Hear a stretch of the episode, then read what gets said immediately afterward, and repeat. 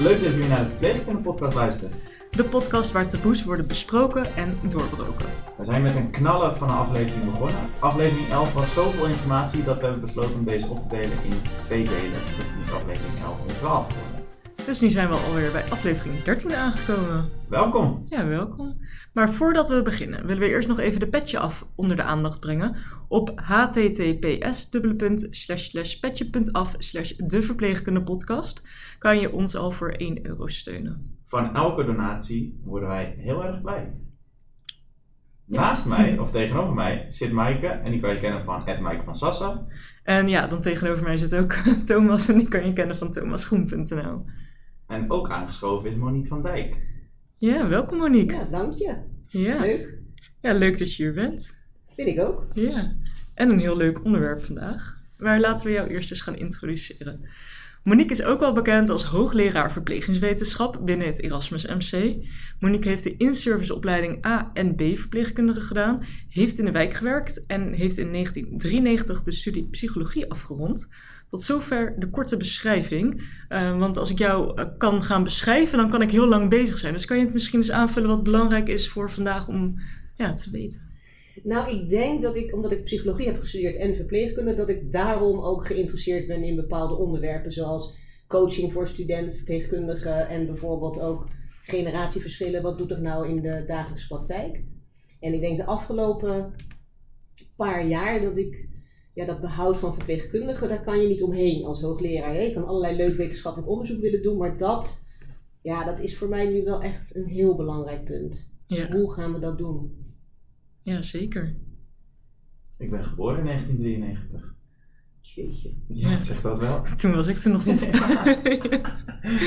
Ja. Sorry. Nee, nee, dat vind ik nee, dat is helemaal niet sorry of erg. Ik Nee, daar het gaat het over toch? Generatieverschillen. Ja, we kunnen het goed Ja, gaan ja. bespreken. En ik heb ook Ja. heel veel studenten die zijn rond 2000 eh, geboren. Ja, ja, als ik bij mensen denk, je bent in 2000 geboren, denk ik. Oh, je bent echt jong. Maar Ja. dat is eigenlijk niet meer zo, Inderdaad, hè? zijn al 22. Ja. Ja. Ja, dat vind ik dus nog jong, inderdaad. Ja. Ja. Maar goed. Monique, je hebt enorm veel wetenschappelijk eh, onderzoek gedaan. Je doet dit nog steeds. Op 2 november spreek je tijdens het Nursing Congres over verpleegkundig leiderschap, wat je heel erg leuk vindt. Over generatieverschillen, inspelen op behoeften in het team, feedback geven en omgaan met weerstand. Ja, en we dachten dat het dus deze aflevering leuk zou zijn om het over die generatieverschillen te hebben. Ja. En het geven en ontvangen van feedback. Nou, laten we beginnen. Ja. De stellingen zijn: werken met een oudere verpleegkundige geeft mij leermomenten. 92% is het mee eens. Ja, dan moet je altijd natuurlijk rekening houden met het feit dat mensen sociaal wenselijk kunnen antwoorden. Mhm. Want het zou best kunnen zijn dat het in de praktijk toch ietsje minder gunstig ligt. Dat ligt naast generatieverschillen denk ik ook aan de persoonlijkheid van mensen. Ja, maar er staat ook leermomenten, dus ja, ik denk Ja. dat je van een vervelende persoon ook veel kan leren. Nou, dat is een Vooral leren hoe ermee om te gaan. Ja. Dat denk ik inderdaad. Want ja, je moet dan wel over een drempel heen om te accepteren dat die persoon dus ook bepaalde kwaliteiten heeft waar jij van kan leren. Ja. Nou, dat is zo. Ja. Ja, en eh, we beginnen meestal de podcast met één stelling. En deze keer hebben we er twee gedaan. De volgende is werken met een oudere verpleegkundige. Ja, sorry, ik wist niet hoe ik het goed moest noemen. Dus ik heb maar oudere verpleegkundige genoemd. Maar ja, is dat een goede term? Ik vind het wel wel hoor. Ja, voel je in ieder geval ja, niet aangevallen als je wat ouder bent. Zeker Want, eh, ja, oké, top. maar werken met een oudere verpleegkundige geeft mij frustratie. 61% is het hiermee eens. Precies, nou dat is heel leuk dat, dat, dat die twee stellingen gevraagd zijn. Ja, dat kan zeker ook. Ja, Ik liep laatst in de gang in het Erasmus en eh, toen zei een jonge verpleegkundige dat ze een kantoordag had, de volgende dag. En toen zag ik die oudere verpleegkundige eh, zo kijken van, oh ja, met zo'n blik van, oké, dan werk je dus morgen niet echt. En ik denk, dat gebeurt echt, want dat Ja. zie je dan echt zo een beetje in de wandelgangen.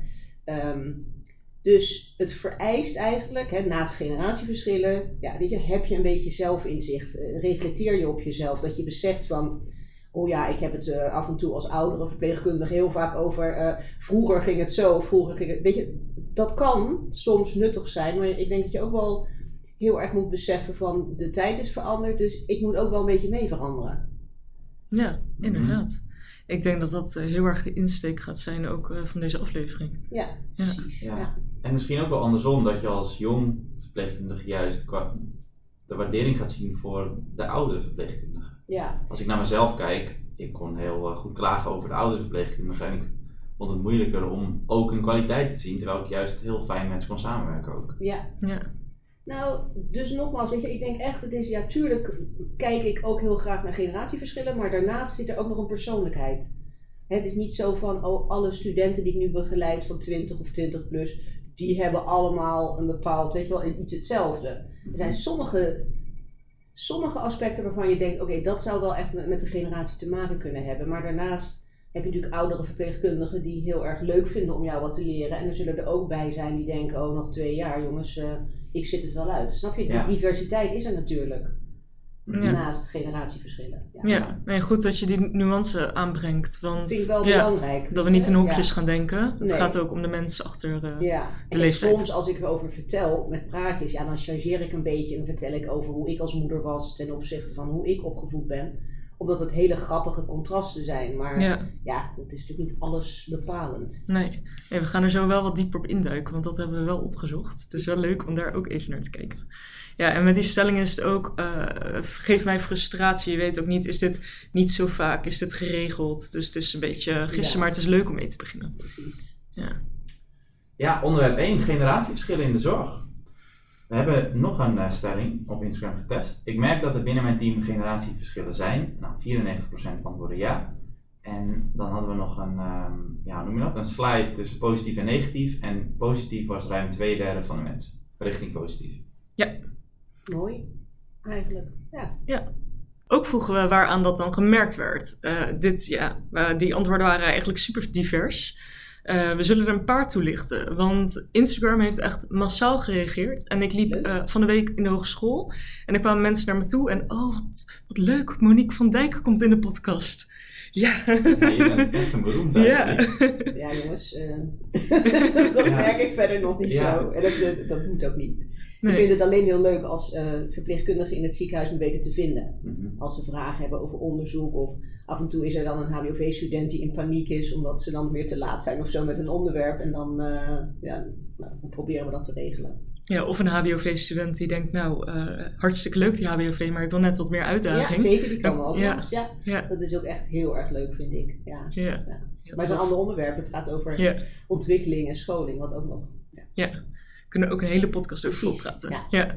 Eh, ik ga er een paar eh, toelichten met een positieve toon. Leermomenten van elkaar hebben, van zowel jong naar oud en oud naar jong. Die wordt echt heel veel genoemd. Oudere en jonge generatie vullen elkaar aan. Dat ligt eigenlijk in het verlengde van wat ik net zei. En de kennis doorgeven aan elkaar, verschillende ervaringen en perspectieven delen. Ja, zal ik dan de minder positieve reacties doen? Ja, leuk. Die gingen van ouderen doen niet aan nascholing, tot soms blijven ze erg in het, tot soms blijven ze erg in het verleden hangen en staan ze niet altijd positief tegenover verandering. Veel genoemd is de ouderwetse blik van de oudere verpleegkundige. Ja, wat ook veel naar voren komt, is dat jongeren al het computerwerk en de digitale klussen mogen doen. Maar aan de andere kant wordt ook weer belicht dat jongeren soms te weinig openstaan om nieuwe dingen van oudere verpleegkundigen te leren.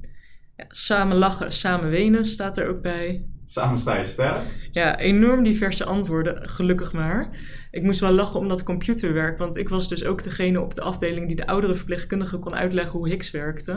En aan het begin dacht ik, ach, ik heb hier echt geen zin in. Ik heb al geen zin om een iPhone uit te leggen aan mijn ouders. Laat staan dat ik dan computerwerk moet gaan uitleggen aan collega's. Ehm, maar eh, ik kwam er al snel achter dat als ik, als ik hun het goed leerde, dat dat mij weer tijd scheelde. Want dan stoorden ze me tussendoor in mijn werkzaamheden eigenlijk niet, omdat zij niet uit Higgs kwamen. Nee, ik vind het, je moet het ook wel een beetje relativeren. Want ik heb ook heel veel studenten ehm, die helemaal niet zo handig zijn hoor, met computers. En die zeggen dat dan ook. En dan is het dan gewoon een twintiger die zegt, ja, nee, ik ben niet zo handig met computers. En dan moet ik dingen uitleggen over Excel en Word, hoe je tabellen maakt. Dus ik vind, daar mag je wel nuance hebben. Eh, ik denk dat ze Higgs inderdaad, eh, hè, dus het, het EPD, eerder eh, in de vingers zullen hebben. Dat denk ik zeker. Maar het is echt niet zo dat al die jongeren nou zo vreselijk handig zijn met computers. Ja, misschien wel met spelletjes en zo, Ja. dat geloof ik zeker. Ja. En ik typ eh, met WhatsApp veel, veel minder snel dan, de jongere generatie. We zagen twee maar- duimen in de lucht gaan. Dus het is wel ook wel weer betrekkelijk wat dat betreft. Ja. Ja, ik ben er ook schuldig aan. Ik kan helemaal niks met Excel. Nou, dat bedoel ik. Ik weet niet meer precies hoe oud jij was, maar... 1993 ben ik geboren. Oh ja, dat is waar, dat had je gezegd. 29. Nou, ja. Nou ja, dus daarom. Dus weet je, alles, eh, enige nu nuance is wel nodig, maar ik denk zeker dat, eh, dat de oudere verpleegkundige meestal inderdaad wat, eh, ja, wat, wat minder snel en handig is met Hicks. En ik, ik merk dat zelf ook, dat ik soms hulp vraag eh, aan zeg maar, de jongere garde bij bepaalde zaken. Ja. Ja. Ja, het gaat denk ik ook om je leerstijl. Want je hebt mensen die leren van het zelf Ja. te doen, onderzoeken, lezen. En ik hou daar bijvoorbeeld niet van. Ik leer het door gewoon te gaan klikken en het te doen. En als ik het er dan niet uitkom, vraag ik het ook. Ja, zijn er, is de rest van de antwoorden herkenbaar voor jou? Ja, heel erg. Alle, alles is. Kijk, dat is natuurlijk het punt. Als het zo mooi zwart-wit was, dan hadden we niet. Ja. Dus het is niet zwart-wit. Eh, Mhm. Dus er zitten goede kanten aan aan die diversiteit hè, qua leeftijd met, tussen verpleegkundigen. En het, heeft, het kan goed gaan en het kan minder goed gaan. Ik heb een aantal verpleegkundigen geïnterviewd over wie hun rolmodel was. En toch een groot aantal noemt een oudere verpleegkundige, die misschien, misschien al met pensioen is of eh, weet je wel, die, die ouder is. En dus toch zijn het ook vaak wel weer de rolmodellen. Ja. Terwijl je aan de andere kant, je dus inderdaad, dat begrijp ik ook wel een beetje kan ergeren aan mensen die vastzitten in, ja, dit is allemaal al een keer geprobeerd. En, hè, dus dus Mhm. die, die types, ja, die zijn er ook. Maar het zijn ook vaak de rolmodellen. Ja. Dan hebben we gelijk een leuke vraag vanuit Instagram. Hoe moeten, hoe moeten wij dan omgaan met de collega's die eigenlijk heel stug zijn en niet willen veranderen?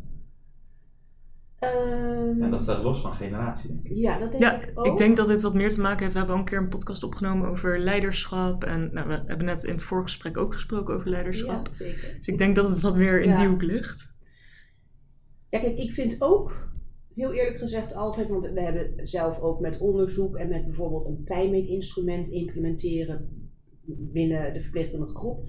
Er zullen altijd iets van 10% mensen zijn die hun kont tegen de kribben gooien. Of die zeggen, nou, ik kijk zelf wel eh, met mijn eh, blik of een kind pijn heeft of niet, hè, bijvoorbeeld. Mhm. En ik denk van dat het slim is om daarin te berusten, dat een aantal mensen zo zijn. En dat je je focust op de mensen die er positiever tegen, tegenover staan. En ik heb toen vorig jaar bij het nursingcongres vroeg iemand van ja, hoe ga ik daarmee om? En het, hè, als het op een afdeling zelfs een hele negatieve sfeer is. Heel soms kan je natuurlijk als verpleegkundige ook denken, ja jongens, werk genoeg. Als het hier gewoon echt niet lukt om iets te veranderen, ja, dan ga ik ook gewoon weg. Die optie is er natuurlijk ook. Je kan Ja. heel erg lang je best doen. Maar misschien is er ook wel eens een moment dat je denkt, ja, deze, hè, de, de cultuur hier of de sfeer hier, ik, het lukt me niet om in, in mijn eentje daar echt iets in te veranderen. Dan is dat natuurlijk ook nog altijd een optie. Maar ik denk altijd dat het ook goed is om te berusten in de 10% negatieve mensen. En soms is het ook heel erg leuk om juist die mensen te bevragen. Van joh, jij bent zo lekker kritisch. Heb jij tips of zo hoe we Mhm. iets kunnen veranderen? Hè? Dus je kan juist ook gebruik maken van die hele kritische houding en het dan een beetje positief formuleren. Van, eh, en niet eh, van, eh, je zit altijd zo te zeuren, maar gewoon van, goh, je hebt altijd zo'n goede kritische blik. Ja. Hè? Kan je, dat kan soms helpen. Goeie tip. Ja. Misschien moeten we eerst even duidelijk eh, maken eh, welke verschillende generaties er eigenlijk allemaal bestaan en eh, hoe die naar de gezondheidsmarkt kijken.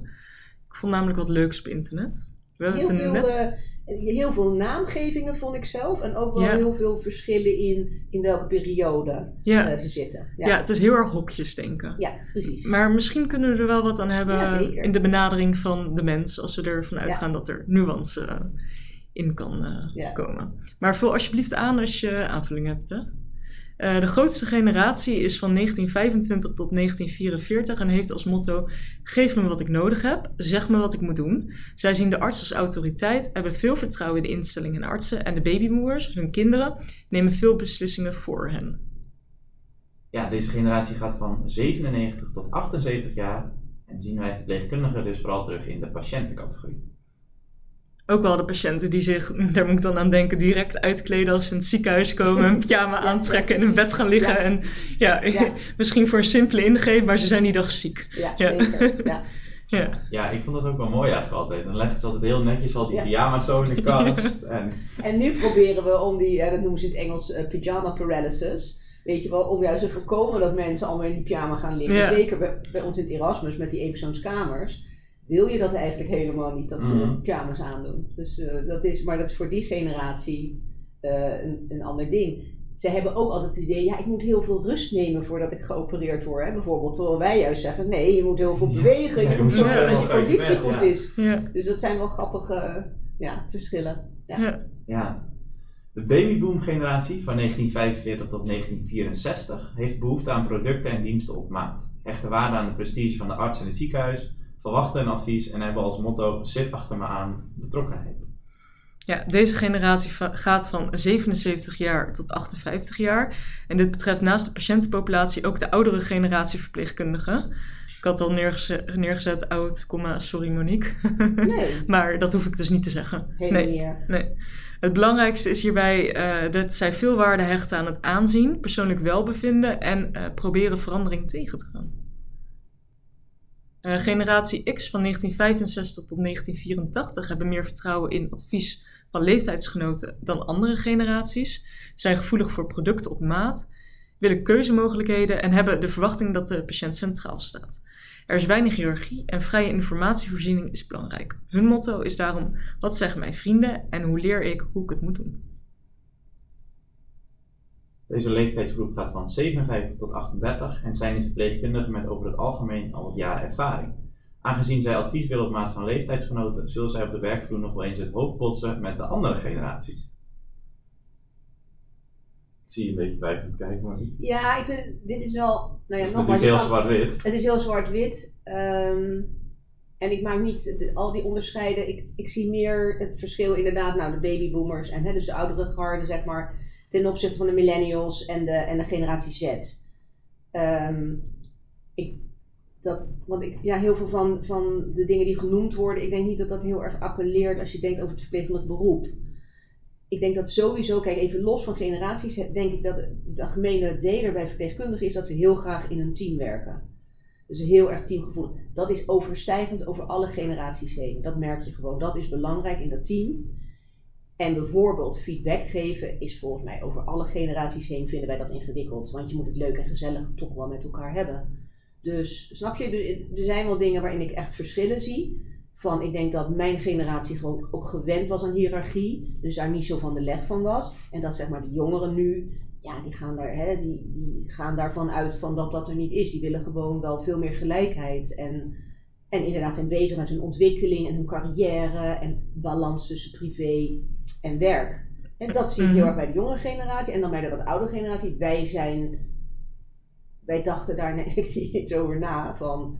Oh, ik wil geen onregelmatige diensten eigenlijk, want ik wil naar festivals. Snap je? Dat is voor Nee. mij natuurlijk zo ver van mijn bed. Terwijl ik nu heel erg goed snap. Want je hebt echt eh, die fear of missing out. Dat herken ik echt. Ja, Van, oh, ik ben niet naar dat festival geweest wat zo leuk was. Want ik had weer late dienst. Dus ja, ik kijk er weer zo naar. Van oké, wat, wat moeten wij doen om het voor die jonge generatie, die nu toch wel, waar we het heel veel van moeten hebben, waar moeten we een beetje op letten, zodat we ze in het, voor het vak behouden?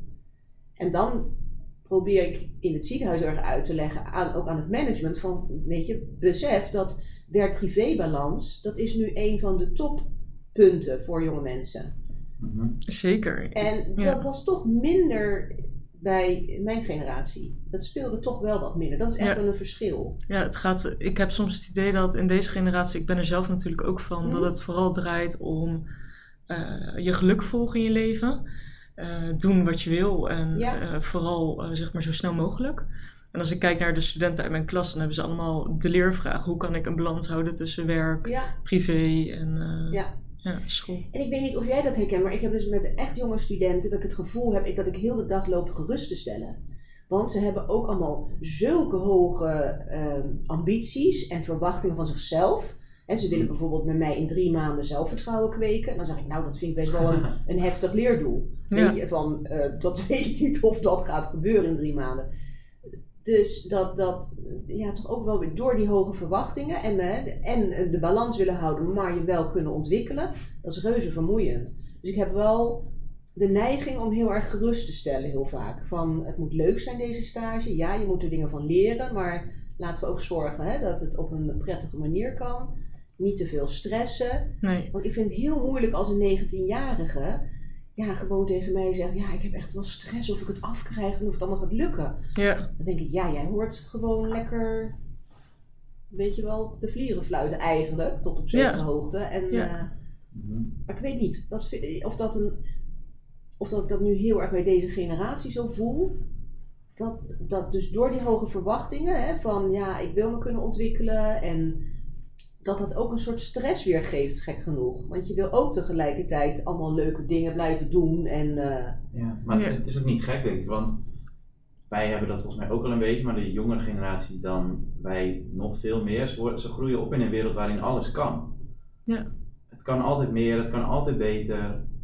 ja, en ik denk die twee jaar COVID voor die generatie, daar heb ik echt wel mee mee gehad. Zeker, ja. Dat, dat, weet je, Gewoon het twee jaar van hun leven is weg. Ja, en dat, Ja, dat zo voel ik het. ook, En- hè. Dat is ja. voor die leeftijdscategorie, hè, dus zeg maar nu begin twintigers, denk ik, ja, Dat is de, de, dat klinkt ook nu heel oud als ik dit gezegd heb, maar dat is de bloei van je leven. Weet je, in die periode, ik ging van donderdag tot en met zaterdag ging ik stappen en dan ja, eh, ging ik ook nog op vrijdag en zaterdag werken. En dan had ik zondag even een rustdag om aan mijn studie te zitten. ja. En dan zat ik maandag eh, weer in de collegezaal. Ja, dat, dat hoort erbij, dat moet je ook je, meegemaakt hebben. twee jaar Ja. dat missen is, dat, dat, ja, dat, heb ik, dat vind ik echt heel erg jammer voor ze. Ja. Snap je? Dus dat, Ja. En dat heeft natuurlijk ook een bepaalde impact. Want Ja. die- dus ik weet niet wat de precieze cijfers zijn, misschien weet jij dat beter, maar iets van 25% kampt op een gegeven moment met depressieve klachten van de jongeren. Ja, dat weet ik ook niet precies, want dan ligt het er ook weer aan welke jongeren. En hebben we het over depressie of hebben we het over burn-out? Ja. Of hebben we- snap je? Dat zijn allemaal, allemaal weer ingewikkelde concepten. Ehm, maar ik denk wel, dat, dat, dat voelen we zelf ook wel, van dat, dat je wel heel vaak hoort van dat ook hele jonge mensen die burn-out klachten krijgen. Mhm. Terwijl dan inderdaad denk ik, oh ja, dat had ik toen de tijd echt helemaal niet. Weet Nee. je? Dan Ja, wat was je het zegt, toch- moet, die, die, ja, die moet, hè, je hoopt dat die dan gewoon nog lekker aan het vlierenfluit zijn. Ja, Ja, en dit is denk ik ook wel iets wat jij heel veel herkent, Thomas. Ja. Want je hebt natuurlijk die leeftijdscategorie wel ietsjes ouder, denk ik, veel in jouw eh, coaching. ja, iets ouder, maar ik zie wel, ik spreek wel steeds meer echt jonge mensen, tenminste die ik dan jong vind, van 20, 21. ja. Die Dat- worstelen. Ja, Ja, die, en dat, dat is echt het vraagstuk, Ja. hoe ga ik de balans tussen mijn werk en privé behouden? ja, precies. Want er is meer dan alleen werk in het leven, dat is letterlijk wat ze zeggen. En dat is ook zo, maar dan heb je dus als werkgever, hebben wij straks wel een dilemma van hoe gaan we de nachtdiensten, de avonddiensten, hoe gaan we, hoe gaan we die tw- 24-7 diensten Mhm. opvullen. Hè? Dat is, ja, ik denk wel van, nou we mogen daar wel echt even heel goed met elkaar over nadenken. Ja, zeker weten. En ik, wat ik ook nog wel denk, wat we meer kunnen doen voor, ook voor de jongeren, is inderdaad flexibiliteit. Dat noem ik ook wel vaak, weet je wel, want er is niet één perfecte verpleegkundige. Iedereen heeft zijn- zijn, zijn, kwaliteiten en dat geldt ook met generatieverschillen. Maak gebruik van de, van de kwaliteiten van mensen. En als ik terugkijk naar mezelf, besef ik nu dat ik eigenlijk heel slecht was in tech- technologie. Ik, zat, ik liep heel de tijd maar als een kip zonder kop langs die infusen met zo'n tellertje toen nog. En dat gaf, mij, dat gaf mij dan weer stress. Terwijl ik ja, in het contact met patiënten, ja, dat vond ik heel leuk en dat ging heel natuurlijk. Dus dan denk ik, dat is nu ook belangrijk voor deze generatie. Dat je ook je, je kwaliteiten mag hebben, maar ook dat er sommige dingen zijn ja, waar je dan misschien minder goed in bent. Dat, dat je dat van elkaar accepteert. Ja. En niet van dat iedereen op al die gebieden geweldig moet zijn. Dat geeft natuurlijk ook een enorme stress. Ja, Ja. zeker weten. En alsjeblieft niet je, juist een team waarbij je elkaar aanvult en dat ieder zijn eigen ja. expertise Ik heeft. weet niet of we daar al zover in zijn. Snap je? Dat we daar al, eh, dat managers daar al goed naar kijken. Van hé, hey, laat ik, wat hebben mensen nodig? En Ja. laat ik ook accepteren dat sommigen goed zijn in het een en, en anderen weer in het ander. Zo. Ja, nou, tot hoe ik het tot nu toe heb ervaren niet. Wat ik me wel realiseer is wat ik veel, ik ben instellingsdocent hier in het Erasmus. Wat ik veel tegen de studenten zeg wanneer ze een, eh, ja, dat heet een startdocument. Document met leerdoelen, leeractiviteiten, pop, pap ook wel genoemd. Eh, als ze dat maken, eh, het belangrijkste vind ik dat er als activiteit in staat dat als ze het niet meer overzien of als er wat is, dat ze naar mij toe komen. Ja. Nou maakt het nog ineens zo uit eh, of ze hun perfectionisme de baas kunnen zijn of eh, Ja. het- dat het zelfvertrouwen groeit. Want dat is een heel proces in je leven, maar dat als ze merken van hé, hey, ik loop ergens tegenaan, oh, ik weet haar te vinden. Ja, Ik denk dat dat Precies. veel belangrijker is dat je iemand hebt om over, Ja, ja, met die, over die dingen te praten dan dat je van jezelf verwacht dat je continu maar, ja. Ja. dat is niet Dus realistisch. ik denk wel, als je het hebt over generatieverschillen, dat dus deze generatie hele hoge verwachtingen van zichzelf heeft. En dat wij daar misschien wat minder mee bezig waren. Dus dat je dan Ja. ook niet teleurgesteld kon worden. Ja, en dan bedoel je de millennium en generatie Z. Ja, ja, dus zeg maar, ik zat 40 jaar geleden in de verpleging en dan ben je Ja. als leerling, eh, liep je met je oefenboekje rond. Snap je, maar je accepteert, je kon gewoon wel accepteren van oké, ik moet nog heel veel leren. Ehm, en deze generatie heeft gewoon, ja, die heeft wel een hoge verwachtingen en dat is altijd dan ingewikkeld. Ja. Dus ik probeer altijd een beetje te temperen en, en natuurlijk gewoon positief. Hè. Complimenten geven is ook wel iets wat we misschien wel wat meer kunnen doen af en toe. Ja. En dat heb ik weer geleerd van mijn vader, dat, ik, dat die was heel complimenteus. En dat ik nu, als ik denk aan iemand van, god, wat heeft dat goed gedaan, dat ik dat ook even zeg of mail Ja. of... Weet je wel, sommige mensen, ja, die denk je echt van, oh, wat goed dat hij dat zo oppakt. En dat je dan elkaar wel ook kan complimenteren. ja, wat goed dat je dat doet. Ja, maar Ja. ja. maar ja, als je soms ziet, soms krijgen mensen helemaal een rode vlek in hun nek van, oh, dankjewel. En dat ik dan denk, oh, dat gebeurt dus niet vaak bij jou, dat je Nee. gewoon een compliment krijgt. Ja, Dat is ehm, wel belangrijk. Het Ja. is natuurlijk eigenlijk iets heel, ja, je zou zeggen het is een open deur, maar blijkbaar gebeurt het toch niet zo vaak. nee, zeker niet. Nee.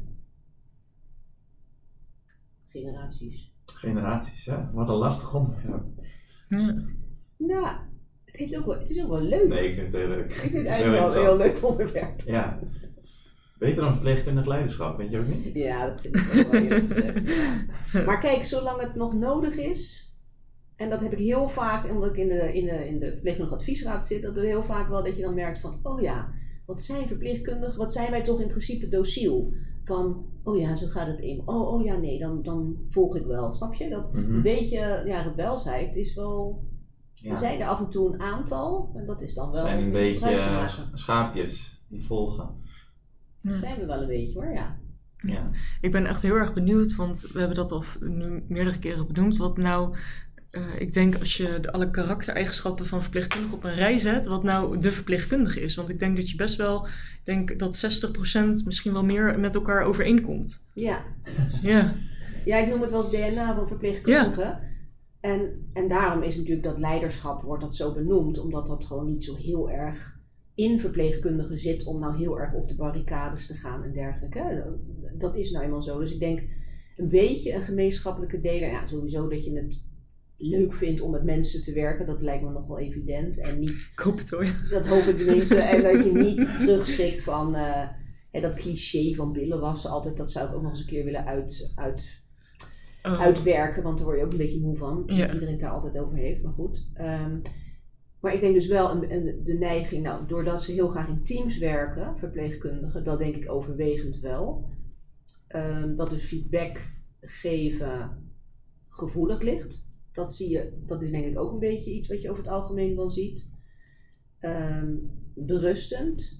Van iets vragen en als iemand dan zegt nee, dat kan niet, dan gewoon berusten. En ik, dat probeer ik wel te vertellen van dat doe ik niet meer. Als ik denk van nou, hè, als ze bijvoorbeeld zeggen van ja, nee, dit, dit kan niet, eh, dat kan gaan over salarisverhoging of weet ik veel wat, dan is het altijd wel goed om nog even te denken, nou, daar ga ik niet in één keer in mee. Dat is wel iets wat verpleegkundigen vaak wel doen, van oh ja, zo is het nu eenmaal Het accepteren hoe het het is. accepteren Ja. hoe het is. En, en dat hoeft volgens mij niet altijd. En dat gaat nu, hè, we hebben het nu ook over de CAO, over die ehm, scholingsmogelijkheden. Mhm. Nou, daar moeten wij achterheen zitten. Hé hey, jongens, is dat al geregeld? Van, Ja. Hoe is dat nu geregeld? Ik weet het nog niet. Het, snap Ja. je dat soort zaken? Ik vraag me ook wel eens af of het echt acceptatie is, of dat het meer apathisch reageren is. Ja, dat denk ik. Daar, heb ik, daar zit ik ook. Het is leuk dat je dat zegt. Ehm, er zitten inderdaad twee kanten aan. Dus ik, je kan zeggen, aan de ene kant word je soms klein gehouden in een, in een instelling. Hè, dat je dan dat. Maar het is zeker ook wel zo dat het ehm, achteroverleunen, dat is, komt ook Mhm. zeker wel voor. Ja. Ja, want de uitspraak het is zoals het is, kan natuurlijk allebei zijn. Ja. Ja, en ik denk ook wel dat je snel achterover zou kunnen gaan leunen als je ziet dat niemand in je team ook die beweging heeft. ja. Want waarom zou jij het dan wel doen? ja. Ja. Nou ja, en wat misschien ook wel is, doordat mensen die graag in teams werken, dan ligt het ook wel eens gevoelig als je je hoofd boven het maaiveld uit wil steken. Ja, Mhm. Hè, Maaike? ja, I know. you know? En dus dat er iemand echt van, nou ik wil iets extra's en ik ga verplegingswetenschappen doen en ik ga op de afdeling iets anders. Dan moet je ook wel goed stevig in je schoenen staan, omdat er ook mensen zullen zijn die denken, nou zeg, eh, ga jij eens gewoon eh, weer je werk doen. Of, dan snap je Ja. dus, je, de, de, de- Ja, Ja, er zijn... dat vind ik eh, ook wel eens ingewikkeld. Ik kan dat nu wel delen, maar er zijn in mijn carrière wel eens eh, verpleegkundigen naar de manager gegaan van ja, wat ze allemaal doet. Ik, ik, ik snap dat niet en ik ben er eigenlijk een beetje jaloers op, zeg maar, meer Ja. in die richting. Ja, Ja, en dat kon soms wel een beetje voor scheve blikken zorgen. Ja. Maar als je nou luistert en je denkt, ja, ik ben die verpleegkundige ook, ik steek mijn kop ook graag boven het maaiveld uit, blijf het vooral doen, maar hou het ook bespreekbaar op de afdeling wat je Ja. allemaal doet. Want ik denk nou dat dat, is denk eh, ik heel erg eh, goed advies. Van, dat, dat noemen we ook wel. Van, maar de dingen die we, die we qua onderzoek doen, is natuurlijk heel leuk om dat terug te Ja. geven aan het, aan Ja. het team. ja, En dat kan ook wel eens vergeten worden. Dat geldt eigenlijk ook voor artsen hoor, met hun onderzoek. Weet je wel, deel het ook met het team. Ja, zeker. Of die verpleegkundige die dan even haar taakwerkdag heeft achter de Ja. computer. Die dan ook met het team wat je hebt gedaan Precies. en welke vorderingen Ja. je hebt gemaakt voor de werkgroep. Ja. Want dan wordt inzichtelijk wat je achter die computer doet. Eigenlijk, hè, weet je, dat, ik denk dat wekelijks, wat gaat er veel over communiceren? Mhm. Gewoon zorgen. Ten eerste dat je weet wie moet ik waarvoor hebben. Maar ook wie moet ik informeren zodat ze zich niet achtergesteld voelen. Of doordat ze, hè, dat het belangrijk is dat ze geïnformeerd worden. Ik ben daar wel een groot deel van mijn dag mee bezig eigenlijk. Ja, Communiceren, weet Ja. je wel? Dat je ja, zeker. hè, weet Ja. eh, ja. waar je mee bezig bent. Kijk, en tegelijkertijd, wat, wat jij ook zegt, van ja, betrek je hele team. Ja, wil je altijd echt, je, als je enthousiast bent, dan denk je soms ook gewoon niet aan om Nee. je hele bewegingspatroon bij wijze van spreken te gaan vertellen, toch? Ik herken het ook wel zelf. Ik ja, werd meteen praktijkbegeleider nadat ik afgestudeerd was. Ik had binnen acht maanden ging ik een schaal omhoog. Ja, dat mocht ik volgens mij niet vertellen, omdat, an- omdat er anders scheve gezichten waren. Ik kwam natuurlijk uiteindelijk nog naar boven en mensen kregen alsnog een scheef, hadden alsnog een scheef gezicht. Ja, dus ik geloof dat reageren Dus- uit angst, daar geloof ik sowieso niet in. Nee, maar ik dacht ook, ja, ten eerste, dit is gewoon niet mijn probleem. Nee. En Klopt. de mensen die aan het klagen waren, dacht ik, ja, dit is gewoon helemaal jullie probleem, had je het zelf maar moeten doen. Ja, heb jij zin om praktijkbegeleider te worden? Nou, Ja. go for it. Maar als je dat niet. Nee, en het heeft ook niet dus dat heel erg dat regeren vanuit angst, oh vertel maar niet dit of dan niet dat. Ja, ik dacht, ze komen er toch achter. Ja. dan kan je maar beter gewoon open zijn. En ja, je kan je ook afvragen, wat gaat het andere aan? Die schaal omhoog. Dat, maar goed, Ja. Ja. ik heb het zelf, ik vond het zelf ook niet zo interessant om tegen je te zeggen, ik ben een schaal omhoog gegaan. Nee. Ja, Nee, waarom zou ik dat doen? Ja. Maar ja. alsnog. Ja, dus je kan dan waarderen dat iemand zoals jij, hè, een jong iemand, praktijkbegeleider wordt. Dus er zijn twee manieren. Je kan zeggen, goh, wat fijn dat jij dat gaat doen, want ik moet er niet aan denken. Of, hè, jij lijkt me heel geschikt. Of je kan inderdaad de, de zure kant hebben van, Mhm. eh, oh gut, hij komt net kijken en dan is hij al praktijkbegeleider. Ja, die twee kanten, ja, die zijn er nu eenmaal. Mhm, Ja. ja. En naast die generatieverschillen die we net hebben besproken, spelen ervaringen zoals eh, feminisatie, normalisering van werktijden, een verandering van arbeid, arbeidsethos en een niet meer zo vanzelfsprekende status van de dokter ook een rol op de kijk ja, op de gezondheidszorg. Veel van die veranderingen heb jij natuurlijk meegemaakt, Monique. Hoe kijk jij hier tegenaan? Nou, ik vind het verrassend genoeg. Ik vind er niet zo heel veel veranderd in de status van de dokter. Ik denk altijd als ik door de grote hal loop, dan zie ik de, hè, de, de, de artsen met de stethoscoop om en de verpleegkundigen. Dat heeft wat mij betreft een hele andere uitstraling. Ik denk dat, eh, ja, dat het zelfvertrouwen wel wat groter is misschien van artsen over het algemeen. Doordat ook de patiënten nog steeds, hè, die oudste generatie, heel erg opkijkt tegen de dokter. En ook blij als die vriendelijk is tegen hem en eh, uitleg geeft. Dus daar zie ik eigenlijk niet extreme verschillen in. Welke noemt u nog meer? Welke punten? Eh, feminisatie, eh, normalisering van werktijden en de arbeidsethos. Ja, dus we hebben het eigenlijk over gehad. Hè, van ehm, die werktijden. Wat ik ook wel, wat betreft werktijden ingewikkeld vind, is dat verpleegkundigen zijn natuurlijk heel erg gewend om van, ik zeg maar wat, van half tot vier te werken. Mhm. Daarin is dus de flexibiliteit niet altijd heel groot om te zeggen van, tenzij je kinderen thuis hebt dat je naar de oppas moet, maar dat er niet altijd flexibiliteit is om te zeggen, nou oké, ik werk een uurtje langer door en dan kan ik bijvoorbeeld even uitzoeken of ik naar een congres kan, ik noem maar even iets. Hè. Dus die, dat mis ik wel eens, die flexibiliteit. Absoluut niet bij alle verpleegkundigen, maar er is wel een, ehm, ja, een tendens om heel erg je vast te houden aan die tijden. En soms vind ik dat wel lastig. Ja, na de overdracht gaan zitten, wachten totdat het vier uur is. Ja. eh, of half vier. Maar, Ja, en, en Ja. nogmaals, je moet het ook niet generaliseren, maar Ja. Ja dat, dat vind ik, dat is misschien ook wel van alle tijden, maar daar enige flexibiliteit in helpt wel als je je wilt ontwikkelen. Ja, wat, wat ik daarin merk, en eh, alle mensen die ik dan één op één begeleid, die laat ik een persoonlijkheidstest doen. Ja? En eigenlijk, tenminste tot nu toe, iedereen die dat heeft ingevuld, scoort heel erg hoog op conscientieusheid. Dus dat zou ik misschien best kunnen verklaren als dat daadwerkelijk de achtergrond is van mensen. Dat ze behoefte hebben aan die regels. En dat ze daarom minder moeite of meer moeite hebben met die flexibiliteit. Ja, dat Hm, denk ik zeker. interessant. Ja, dat is zeker zo, denk ik. Ja. Ja, en, en je ziet daar gewoon een aantal mensen naar boven poppen die dat dus minder hebben. Maar Mhm. die gaan dan ook weer die vervolgopleidingen doen. En die, ja. Ander interessant punt vind ik, maar ik weet niet, er wordt heel veel gezegd dat de huidige generatie behoefte heeft aan ontwikkeling. Hè, dat heel veel op, op social media en dat wordt zo genoemd. Mhm. En ik probeer dan nu te vragen aan verpleegkundigen. Nou oké, dat weten we, hè, dat er zo'n behoefte is aan ontwikkeling, maar wat wil jij nou doen? Ik geef je morgen 1000 euro, ga maar bedenken wat je wil doen.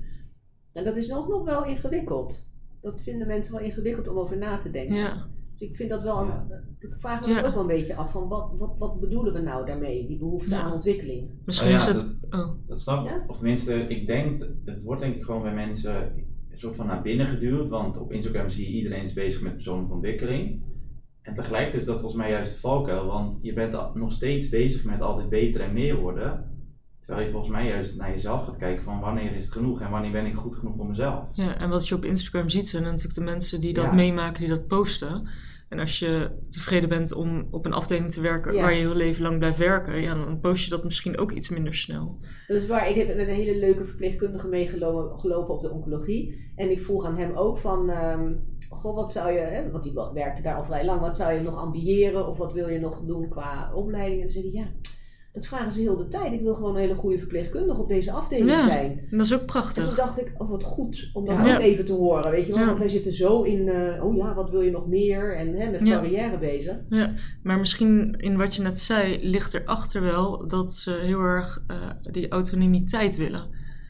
Misschien willen ze nog ineens die scholing daadwerkelijk doen, maar Ja. willen ze de mogelijkheid hebben om zich te kunnen scholen. Zou kunnen, ja. En Dat dan, is zo, wanneer ja. ze weten dat het kan, dat dan dat radartje gaat. Ja, Ja, het wordt nog wel interessant, hè. Want wat is nog scholing en wat is voor ontwikkeling? ja, dat gaat nog wat worden. Want als we zeggen nee, het moet, het moet eh, werkgerelateerd zijn, dan denk ik, nou dat weet ik niet.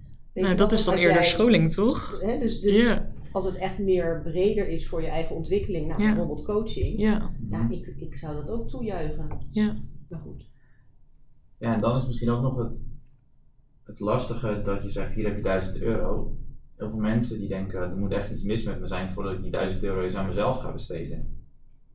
Ja, maar ik ken daar verpleegkundige specialisten, die krijgen 2000 euro per jaar voor hun accreditatiepunten. Mhm. Nou ligt dat misschien bij de verpleegkundigen nog niet zo strikt dat je echt die punten moet halen. Hè? Wat Nee. ook een beetje jammer is misschien. Ja. Maar ja, daar gaat het prima bij. Hè? Van, van dat je inderdaad naar congressen kan gaan of nou, eh, cursussen kunt doen. Ik gun dat de verpleegkundigen ook. Ja, toen ik bij de Nursing Experience was in juni, juli was dat, bij verpleegkundig leiderschap. Ik denk dat er 100 mensen in de zaal zaten en er werd gevraagd, wie betaalt het allemaal zelf? En nou, eigenlijk minimaal de helft van de handen ging gewoon omhoog. Ja, ja. Ja, En dan denk ik wel, ja, hier gaat wel iets mis. Ja. Deze mensen willen hier heel graag zijn. Maar het Erasmus heeft daar toch wel budget voor? Want ik weet dat ik, ik ben wel eens een keer, eh, was pre-covid, dus wel een tijdje geleden naar congressen geweest en heb dat gewoon kunnen declareren. tuurlijk. Ja, er is ook echt wel budget voor. Ja. En ik denk, en weet je, we hebben nu, ja, als we nu niet sprongen maken. Ja, we zijn natuurlijk met 70% eh, het verpleegkundige, de verpleegkundige groep binnen de gezondheidszorg. We zijn heel erg nodig. We krijgen veel meer aandacht dan ooit. Ja, Dat merk ik natuurlijk ook heel erg. Dus ik denk, ja, als nu een manager zou zeggen: nee, je mag niet naar de nursing experience, dat moet je zelf betalen. Dat is niet slim van die manager. nee. Nee. Dus ja, Ik dacht, want ik dacht ook, na al deze mensen, zoek alsjeblieft een andere baan. Vind, ga je echt waar je het wel kan krijgen. Ja, Ja. makkelijk zat. ja, maar dan weet ik dus niet of ze het gevraagd Nee, hebben. dat weet ik en natuurlijk of ze ook het niet. gevraagd hebben aan de juiste personen. Want dat is ook nog een kunst om te weten. Bijvoorbeeld in een hele grote instelling. Bij wie moet ik voor wat zijn? Mhm. Ik denk dat ik daar twee jaar over heb gedaan. Om te weten van, Ja. oké, wie is nou handig om waarvoor te... Nou, dat snap ik dat verpleegkundigen dat ook niet weten. Ja, de paarse krokodillen. Ja. Ja, zeker. Ja. Ja. Ik denk dat we verder kunnen naar het tweede onderwerp. Het geven en ontvangen van feedback. ja. Ja. Ja, ik heb geleerd om vanuit jezelf feedback te geven, Eh, gedrag te benoemen ja. en zo dicht mogelijk bij jezelf te blijven. Ja, ik denk dat ik redelijk in feedbackgeven was. En dat ook deed zoals jij, maar ja, dat zou ik eigenlijk aan mijn vorige studenten moeten vragen Ja. natuurlijk. Ik kan wel trots zeggen dat al mijn studenten als praktijkbeleid gehaald hebben, dus misschien dat dat iets zegt. Maar ook over de werkbegeleiders natuurlijk.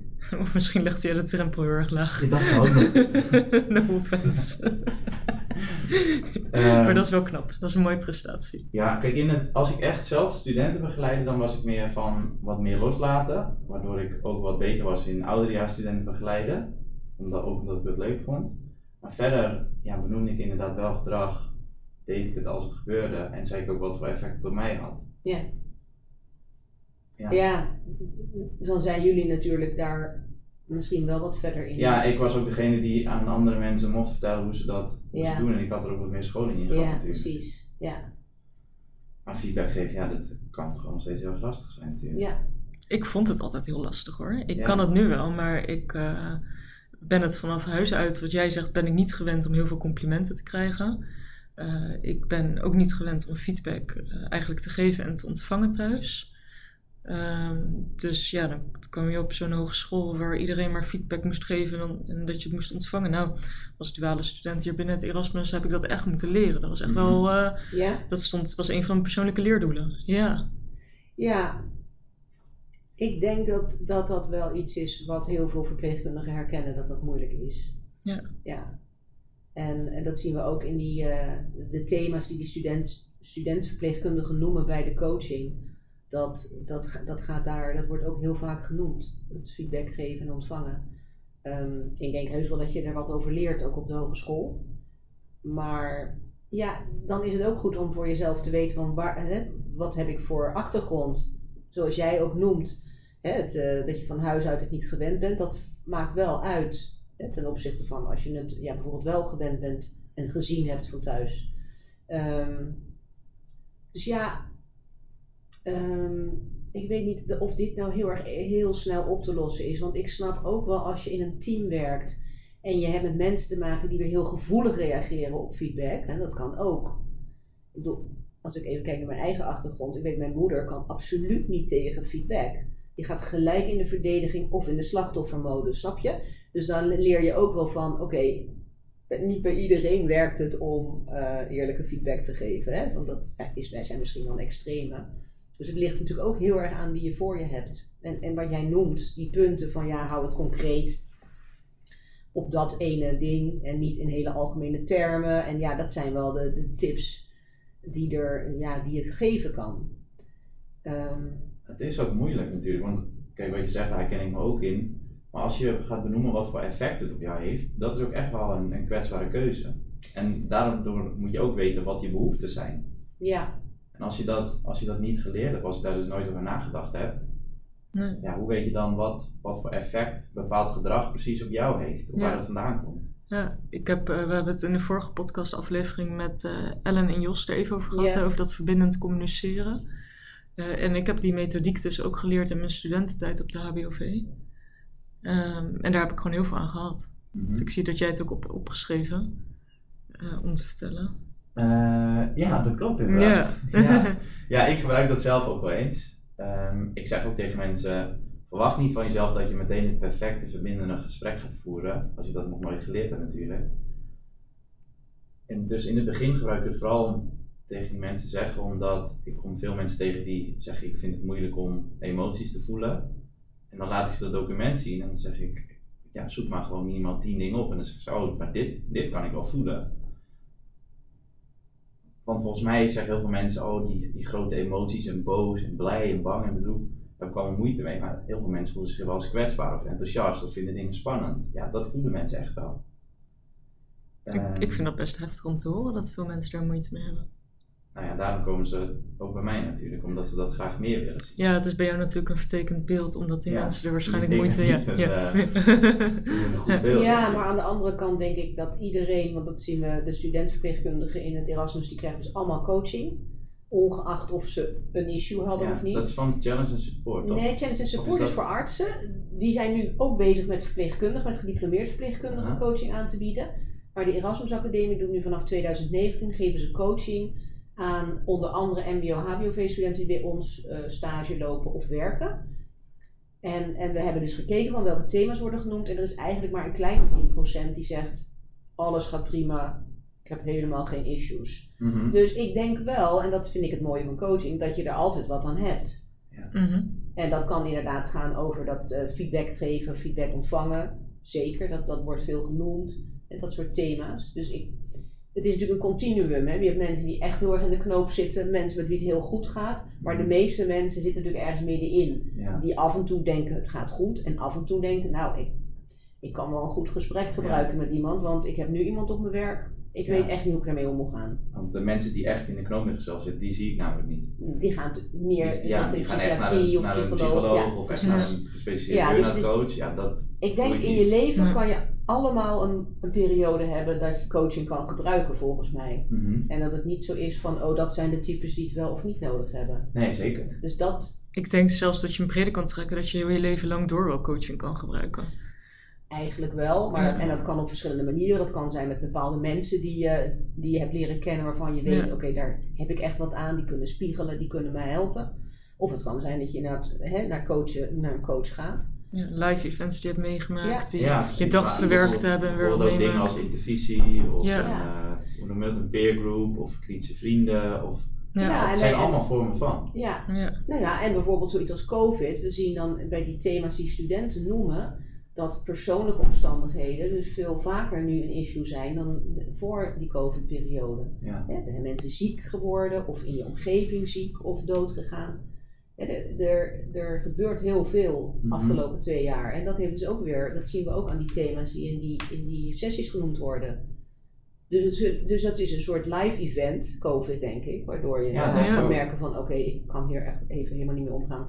Ik heb gewoon hulp nodig Ja, bijvoorbeeld. en dat Ja. heeft mensen echt geforceerd om stil te staan. Ze zijn letterlijk stilgezet. Ja. en in stilstand, dan kom je jezelf Ja. tegen. Precies. Dus die dingen zijn allemaal Ja. uitvergroot. Ja. Ja. We hebben het ook getest hoe makkelijk of moeilijk mensen feedback geven vinden. Ja. En 10%, dat waren 37 mensen, vonden het niet lastig. 30% waren 112 mensen, vonden het soms lastig. 54%, dat waren 204 mensen, vond het vaak lastig. En 6%, dat waren de 19, vond het altijd lastig.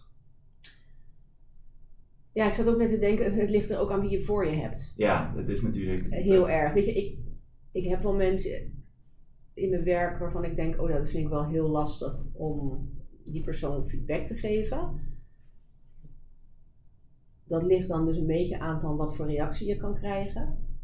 En je hebt natuurlijk ook mensen die bijna je uitnodigen om feedback te geven. Mhm, Die erom ja. vragen als het ware. Dus, dus ik kan me wel voorstellen, deze antwoorden begrijp ik wel. Dat het wel eraan ligt. Mhm. Ja. Ja.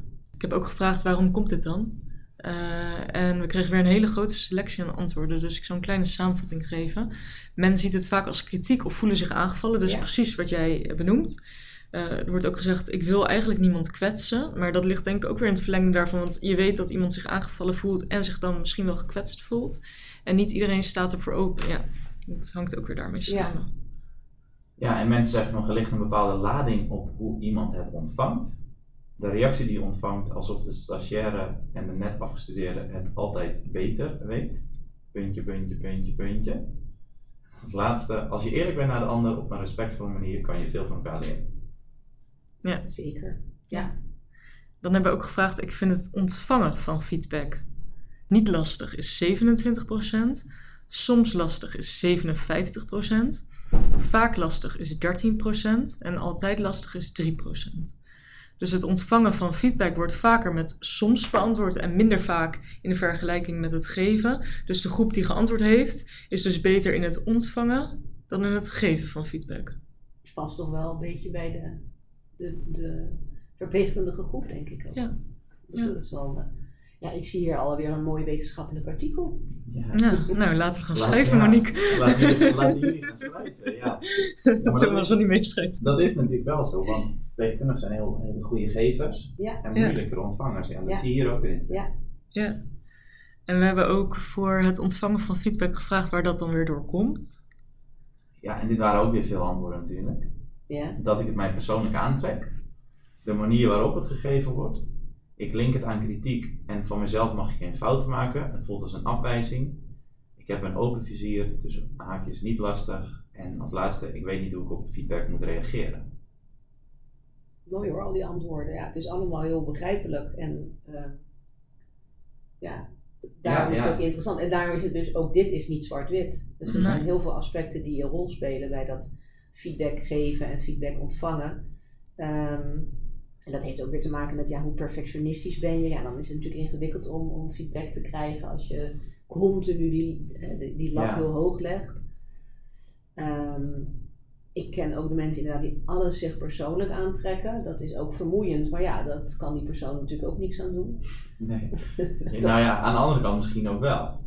Want als Ja, dat de rode is draad is, waar. ja, Dan mag je misschien van, even joh, kritisch naar jezelf gaan kijken. Ga een keer naar? Thomas. Ja. Ja, ja, dat is waar. ja. En Want de rode draad hiervan is, is dat denk ik mensen het moeilijk vinden om ja, zich kwetsbaar op te stellen. Mensen trekken zich persoonlijk aan, de manier waarop het gegeven wordt. Nou, dat ligt natuurlijk aan de, aan de andere partij. Linkt aan kritiek, mag gewoon zelf geen fouten maken, dat is perfectionisme. Ja, En ik weet niet hoe ik op feedback moet reageren. Ja. Dus dan zegt iemand eigenlijk, ik moet reageren op feedback. ja. Terwijl het juist gaat om ontvangen. ja, ik vind dat wel mooi. Stel je voor dat je feedback krijgt. Moet je altijd reageren? Nee, volgens mij niet.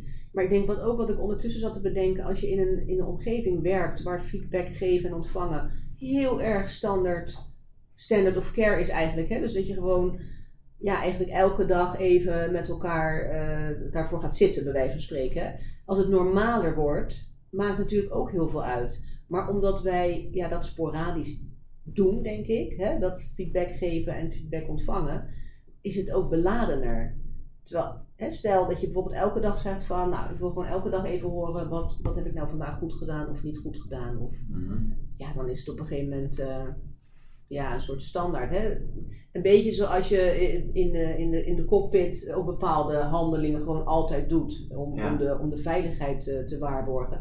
Dan wordt dat zo, is het zo'n standaard onderdeel. Terwijl in ons vak is het niet zo heel duidelijk wanneer je feedback geeft of ontvangt. Mhm. En ik denk dat dat het beladen maakt. Ja. Ja. Misschien wel.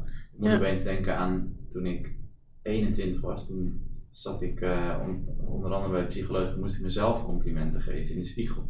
Ja. Ik weet niet hoe, hoe ongemakkelijk ik dat vond. Ja. Dat heeft ook met ontvangen te maken. Ja. Ja, zeker. ja, hoe we omgaan met complimenten. Hè? Ja. Van, ah, nee joh, dit, eh, oh. Ook hele banale dingen van, wat zie je er leuk uit. Ja, nou, dit was heel, dat was niks. Ja, Dat komt bij de, komt bij de Zara vandaan. Ja, ook heb ik een aanbieding gekocht. Oh, heb je ja. wel helemaal, ja. Ja. Of ik was Ja. met iemand, en die had, we waren laatst in een vergadering met iemand thuis en die had echt heerlijke kazen en drank en allemaal dingen. Oh ja, nee, allemaal gewoon bij één dezelfde zaak gehaald. Die zat er heel erg veel, nee, er stond Ja. niks voor. Weet je, terwijl echt, Ja. we zaten daar echt eh, verrukkelijke omgeving, heerlijke spullen gehaald. En dan, ja, dan is het heel mooi als iemand wel gewoon kan zeggen, nou, dankjewel. ja, want dat is eigenlijk het enige Ja. wat nodig is. Ja. Dankjewel. Ja. Nou, ik vond dat dus vroeger ook heel lastig om gewoon Mhm. dankjewel te zeggen. Dus ik ben Ja. daarmee gaan oefenen met dankjewel. Ja. En dan dacht ik, oké, dit is het. Nu moet ik eigenlijk weglopen, want ik weet niet wat ik moet doen. Ja. Super Ja. awkward wordt Ja, het dan. inderdaad. Gewoon, ja, en gewoon een keer ademhalen. Dankjewel. Ja. Een keer ademen. Ja, precies. Ja, en ik weet, niet, ik weet niet of dat gerelateerd is, maar ik heb bijvoorbeeld de neiging om sorry te zeggen. Dat vind ik ook heel verpleegkundig. Ehm, Het sorry-syndroom. het Ja. sorry-syndroom. Dan stuur ik een mail aan iemand en ik kan niet op een afspraak komen omdat ik een andere afspraak heb. Mhm. Dan zit ik eerst sorry in te typen. Dan denk ik, ja, hoezo sorry Monique? Je kan er helemaal niks aan doen, haal weg. Dus ik ben Ja. heel de tijd mezelf aan het trainen van nee, Mhm. prima om sorry te kunnen zeggen. Maar wel als het terecht is. Ja, want anders wordt je sorry namelijk ook niks meer waard. Nee, hè, dus, en dat heb ik ook wel nu met. We zijn, we zijn met eh, twee andere verpleegkundigen een enquête aan het uitwerken. En dan doe ik de, de statistiek. Ja, ik kan niet bij een beademingsapparaat staan. Weet je, dat kan ik weer niet. Maar dan hebben ze ook zo, ja, oh, ja, ja, dat jij dan alles doet. En dan zeg ik, nee, jullie lezen mee. En dit is nou eenmaal iets, ja, daar ben ik in geschoold. Maar dan, eh, Ja. Ik maak wel eens de vergelijking met Filijnen zegt sorry. Ja. Naar de mensen die ik begeleid. Wat Ja. is dat? Fil- eh, is van eh, Ronald Gippard. Een film inderdaad en een boek. En nou, het gaat over een vrouw, maar op een gegeven moment zegt ze, volgens mij als eerst, dan zegt ze sorry, sorry dat ik besta. Hmm. Kijk, aan de ene kant vind ik dat dus een hele leuke in mijn werk, dat ik met veel verpleegkundigen werk, want die hebben niet eh, die behoefte om zich heel erg ehm, te profileren of heel erg, weet je wel, wat je soms in de academische wereld wel met anderen wel hebt. Dus dat is heel erg leuk, maar je moet ook heel de tijd zeggen van ja, toevallig kan ik die, dat onderzoek Maar jullie zijn in de praktijk gewoon veel en veel beter. En ik kan heel veel niet wat jullie daar kunnen.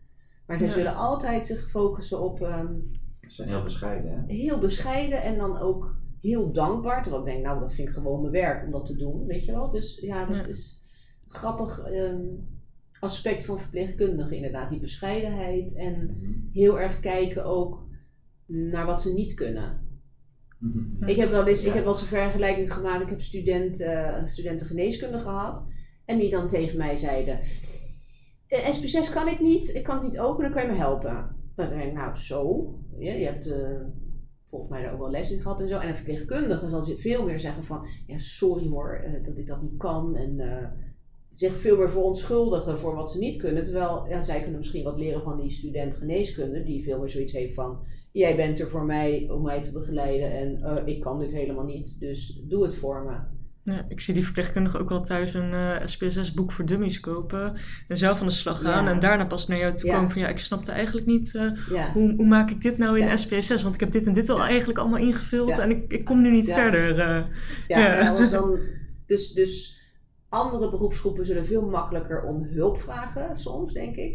En verpleegkundigen kunnen inderdaad zoiets hebben van ja, sorry, sorry, Ja, sorry dat ik dat niet weet. Ik dan denk ik, nee, tuurlijk kan, kan je toch niet weten. Nee. ja. ja, dus moeite met hulp vragen. Aan de andere kant, het mooie is dat we echt een mega groot probleemoplossend vermogen hebben. Ja, maar vooral voor anderen. Ja, maar in- kijk, in dit geval ook gewoon voor jezelf natuurlijk. En wat bedoel je dan?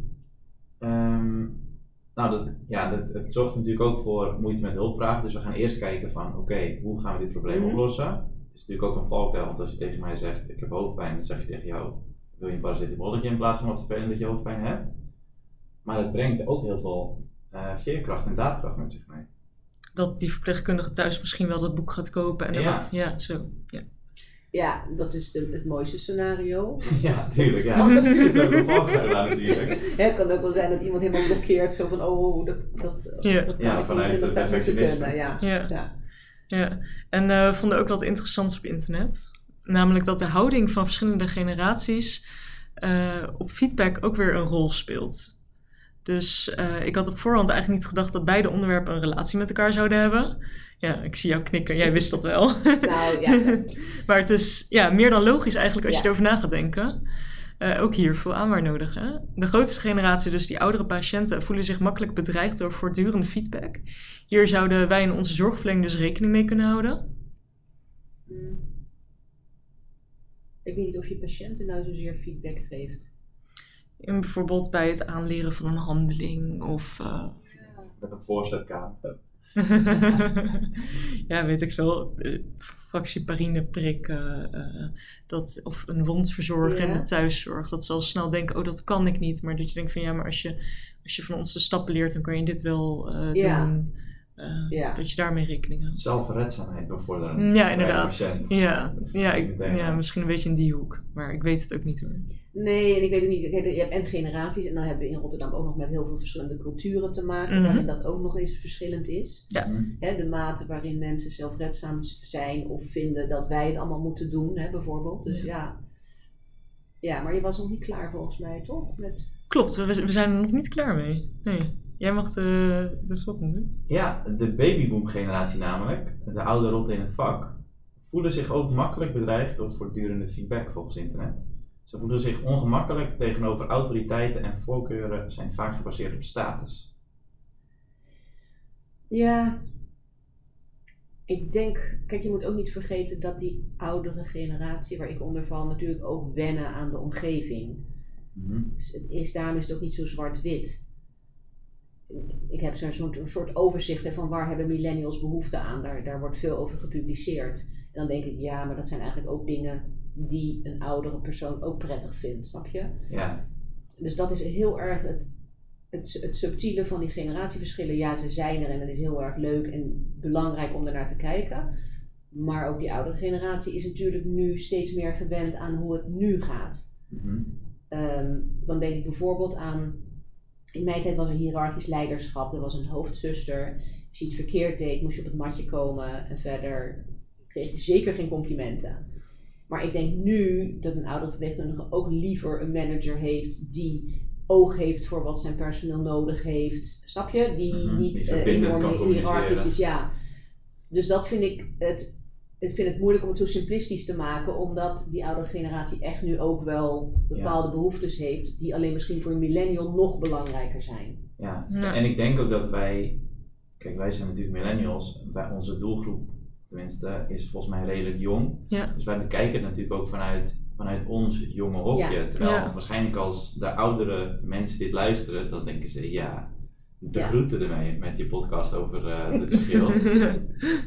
ja. Ja. wij gaan dus even een podcast over jullie maken. Ja, ik ben wel benieuwd. Laat ja. het maar weten hoor. Ja. Ja. Ja. Nee, maar natuurlijk, we hebben het ook we hebben het niet alleen over de oudere eh, boomers en oudere generaties, we hebben het ook over millennials en over die generatie Z. Mhm. En, en ik denk wel dat het goed is om daar oog voor te hebben. Maar los daarvan heb je natuurlijk ook heel veel andere zaken, zoals wat voor persoonlijkheid neem je mee, wat voor opvoeding heb je gehad. Maakt allemaal natuurlijk enorm uit ook. Ja, Ja, zeker weten.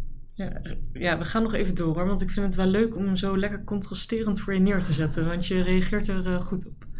Eh, je kan heel veel uitleggen gelijk, dus dat is echt eh, leuk om te horen. Generatie X heeft juist weer geen moeite met autoriteit, maar eisen dat zelf op. Zij zijn vertrouwd met feedback en zijn niet afhankelijk van directe en voortdurende feedback. En dan ja, als laatste zijn wij er. Ja. ja, wij vinden dat respect verdiend moet worden. Kunnen autoriteiten in twijfel trekken. Wij gedijen uitstekend onder directe feedback en voelen ons juist onzeker zonder feedback. Ja, ik Alsof denk, ik mezelf praat. ja, Ja. ja, ik heb laatst nog een, een, eh, een persoonlijkheidstest gemaakt, ook een Big Five. En dan heb je een subschaal van agreeableness. Dat is Mhm. volgens mij, ik weet ik niet welke het is, maar in ieder geval dat gaf, dat was echt laag. En dat gaf dus bij mezelf aan dat ik echt gewoon alleen dingen aanneem van mensen die hun sporen verdiend hebben. ja, ja. Ja, ja. En dat verklaart voor mezelf ook dat waarom ik niet zo goed tegen hiërarchie kan, want dat heeft daar echt mee te maken. Ja.